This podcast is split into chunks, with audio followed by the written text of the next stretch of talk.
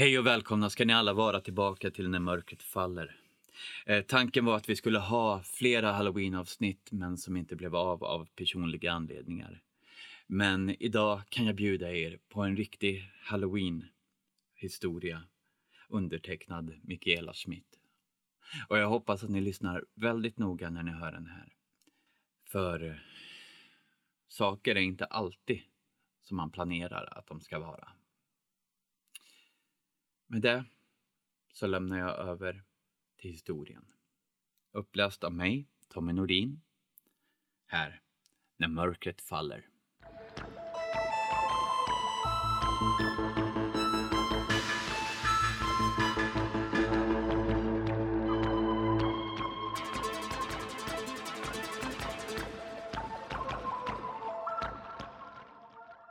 Halloween är, som ni vet, inte något som firats eller ens uppmärksammats i Sverige särskilt länge.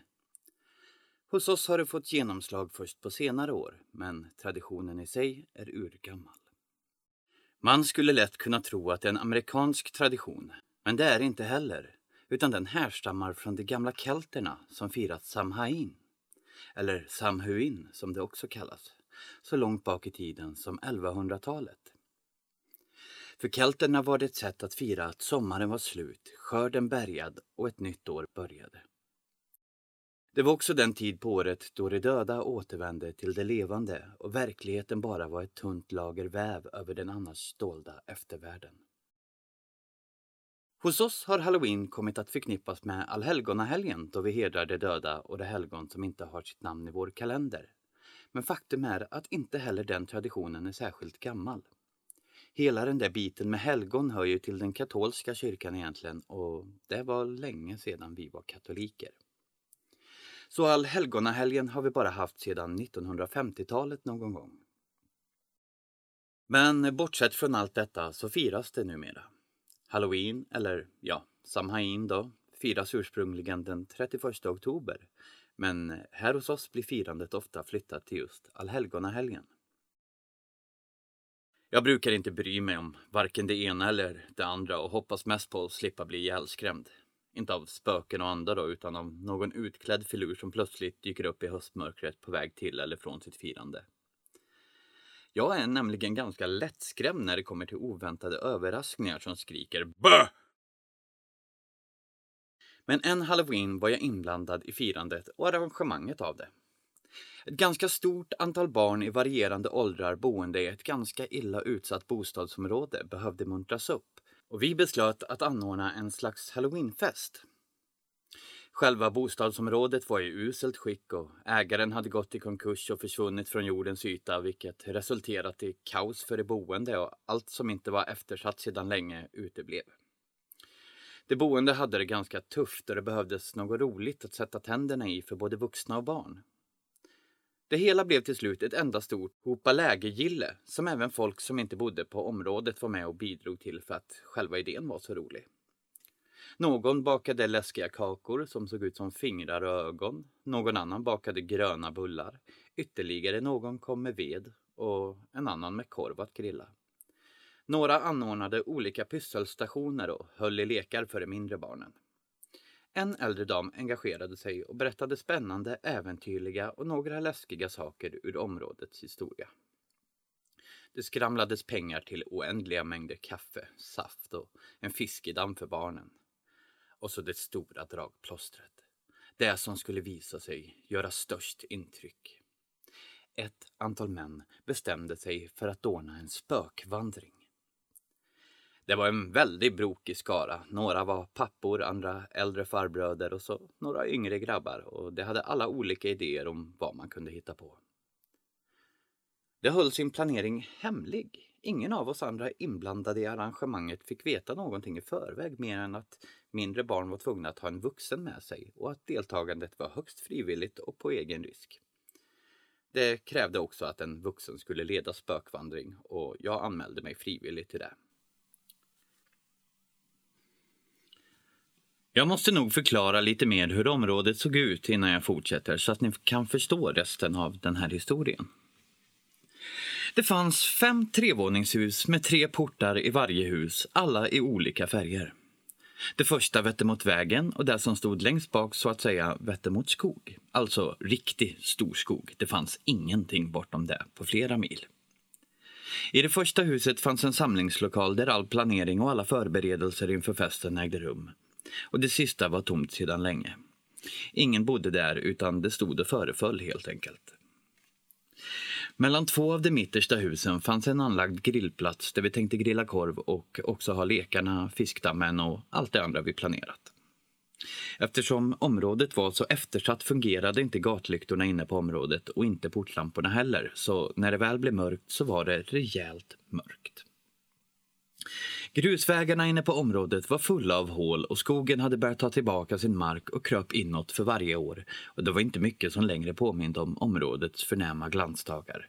Då, när det byggts för traktens gruvarbetare och var betraktat som lyxigt och modernt. Nu var det mest tal om att riva hela rasket en gång för alla för att få slut på bekymret med den förlupna ägaren och allt elände det fört med sig. Så såg det alltså ut och så var alltså situationen när vi anordnade det där halloweenkalaset för att muntra upp alla och då i synnerhet barnen. Nåväl, tillbaka till historien. När kvällen äntligen kom var de flesta av oss vuxna alldeles slut. Vi hade hållit på med det där projektet i flera veckor. Planerat, bakat, samlat pengar och handlat och jag vet inte allt. Det var mycket mer jobb än vad man skulle kunna tro att ro det där i land och de stackars mammorna var dessutom trötta för att barnen var så förväntansfulla vid det här laget att det varit alldeles besvärliga i flera timmar redan när det äntligen var dags att gå ut och samlas. När jag kom dit insåg jag genast två saker. Det första var hur otroligt mörkt det var. Så jag började genast tända upp elden och uppmana folk vartefter det dök upp att hämta vad de hade vad gäller ficklampor och lyktor av alla de slag. Det andra jag insåg var att det hela nog gått en smula ur händerna. Vi hade tänkt oss en mindre fest för områdets barn men ryktet hade spritt sig och nu var det plötsligt massor av folk.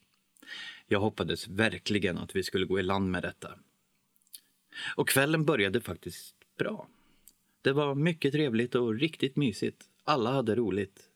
Till och med den äldre damen som satt på kanten av sandlådan och berättade sina historier som blev allt läskigare varefter kvällen gick. Men hon frös inte. Tack vare den stora brasan frös ingen och alla åt korv och läskiga kakor, lekte lekar, fick ansiktet målat eller fiskade i fiskdammen. Vi vuxna hjälpte till där det behövdes eller stod i klungor här och var och pratade lågt om allt mellan himmel och jord, nöjda med hur väl allting fallit ut. Så småningom försvann männen en efter en bort till samlingslokalen som vi antog för att förbereda sig för den stora spökvandringen. Men det gjorde det så stillsamt och snyggt att ingen av ungarna egentligen tänkte på det och gjorde någon det så gick det ganska lätt att avleda dem. Var är pappa? Uh, han gick in för att koka mer kaffe, lille vän. Sen var det inte mer med det och barnet satt iväg till något roligare än att stå och lyssna på när vuxna pratade om ingenting. Det var ungefär i den vevan vi kom på att vi glömt att bestämma oss för en fritt framsignal. Hur skulle vi veta när killarna var klara och det var dags att gå? Vi tisslade och tasslade om det en stund och försökte tänka. Ja, hur skulle vi lösa det här nu då? Vilken otroligt dum miss i planeringen. Vi försökte ringa till våra respektive och de övriga numren vi hade, men ingen av dem hade sin mobil påslagen. Nej, visst ja. De måste ju slå av dem för att inte bli avslöjade. Om barnet plötsligt hörde pappas telefon ringa under spökvandringen skulle ju alltihop kunna bli avslöjat. Åh, så dumt! Någon av oss måste alltså obemärkt smyga sig iväg till samlingslokalen för att bestämma hur vi skulle starta. Frågan var bara vem och det var bråttom innan barnen hann bli alltför misstänksamma av allt viskande. Jag hade precis tänkt erbjuda mig att göra ett försök eftersom jag inte hade några barn som skulle sakna mig när damen med historierna kom fram till oss där vi stod och sa att hon sett folk röra sig inne i skogen i riktning mot det tomma huset. Och vi tackade och pustade ut. Det var de. De var på väg att inta sina platser. Fem minuter till så kunde vi starta spökvandringen som var den sista aktiviteten. Efter det skulle vi plocka ihop och gå hem. Jag började samla det som skulle gå med omkring mig och spänningen steg. Vi hade i förväg kommit överens om vilken väg jag skulle gå och nu stod jag där och gav några sista instruktioner. Gå två och två om ni blir rädda. Ta med er en ficklampa, det är jättemörkt. Håll ihop vad som än händer och vad ni än ser.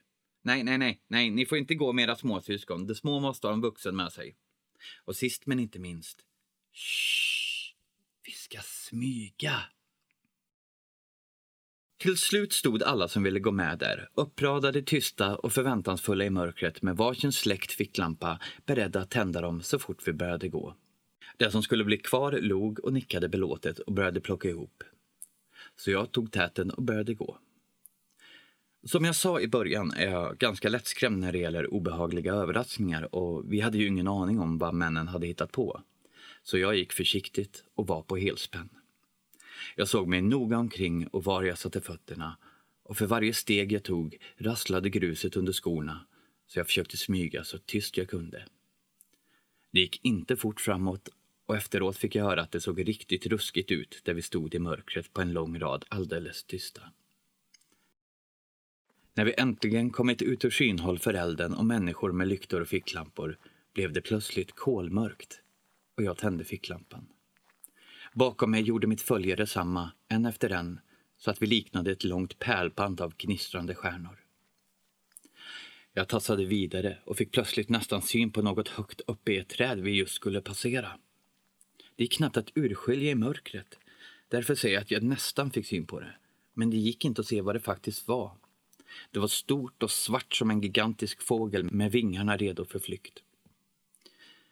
Medan jag tyst gjorde mina följeslagare uppmärksamma på det och hörde dem dra efter andan undrade jag vad det var och hur i hela friden killarna fått upp det så högt. Nu hade vi kommit fram till det tomma hyreshuset och nu var jag verkligen på helspänn. För är det någonstans det är tacksamt att hitta på hyss så är det i övergivna hus. Och mycket riktigt. Det första vi såg var en svag fladdrande låga i ett av fönstren. Ett stearinljus antog jag och funderade på varför man inte såg den som höll i det. Ett steg till. Jag tvärstannade så dramatiskt jag kunde och tecknade till barnen att de skulle lyssna. Plötsligt var det liv och rörelse överallt. Vi hörde tunga steg i skogen intill oss, konstiga läten och ett bankande som kom närmare och närmare för att till slut tystna alldeles utom synhåll. Barnen tryckte sig närmare varandra och det lite större fnissade tyst och nervöst. Plötsligt vände kottar inifrån skogen. Ingen blev träffad men det fick oss i rörelse igen och nu var vi alla lika spända. Vad skulle komma härnäst? Det knackade på ett fönster vi gick förbi och samtidigt började en hel serie av olika ljud följa oss på vår väg förbi den tomma gamla kåken. Någon sprang där inne så att det ekade i trapphuset. Dörrar slogs igen. Det bankade och slogs i ett element någonstans för jag kände igen ljudet och hela tiden hörde vi ett vanvettigt omänskligt kvidande som nästan liknade ett galet fnissande som steg och föll oavbrutet men som aldrig tystnade helt. Nu såg vi hur det hela tiden rörde sig i skogen som om en hel massa människor hela tiden rörde sig fram och tillbaka alldeles innanför skogskanten så att man bara kunde skymta dem, ana sig till dem där de skyndade fram och tillbaka i en oändlig ström. Precis när vi lämnade huset bakom oss hörde vi ett enormt brak där inifrån. Jag hoppade högt av överraskningen och barnen började skrika. Shh, påminde jag och började leda dem framåt och tillbaka mot grillplatsen eftersom jag insåg att spökvandringen var slut nu.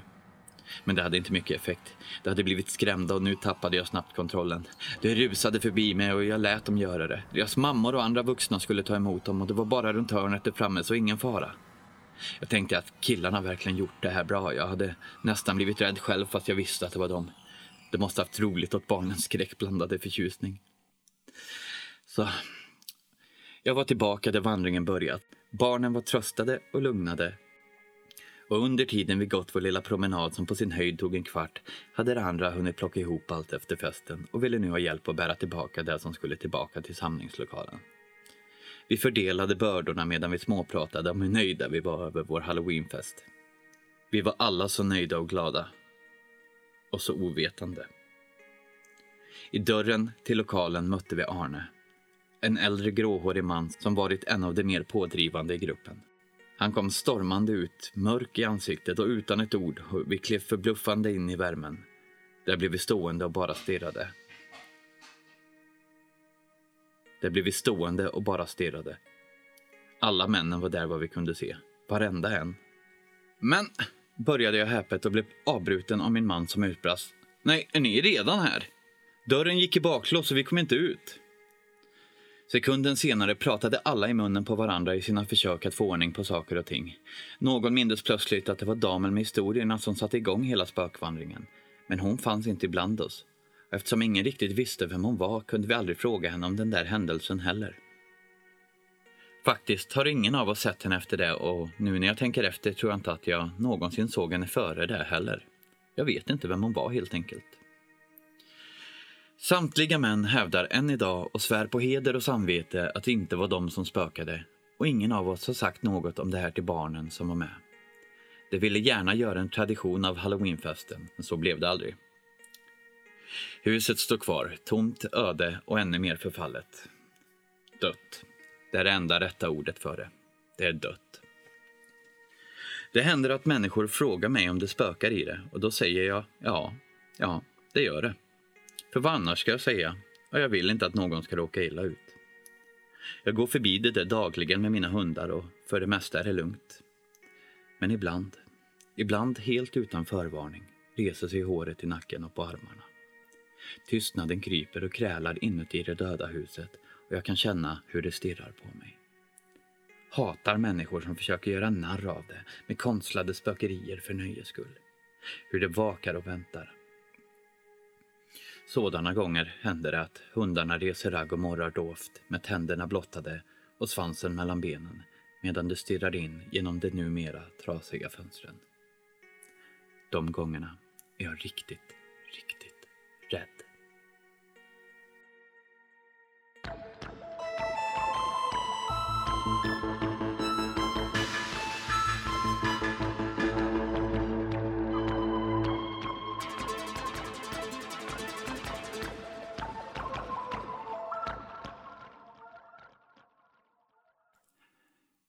En som också ryser av det här är jag.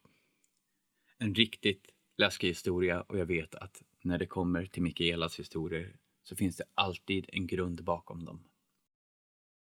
Och med det så önskar jag ett godnatt till er. Men innan det.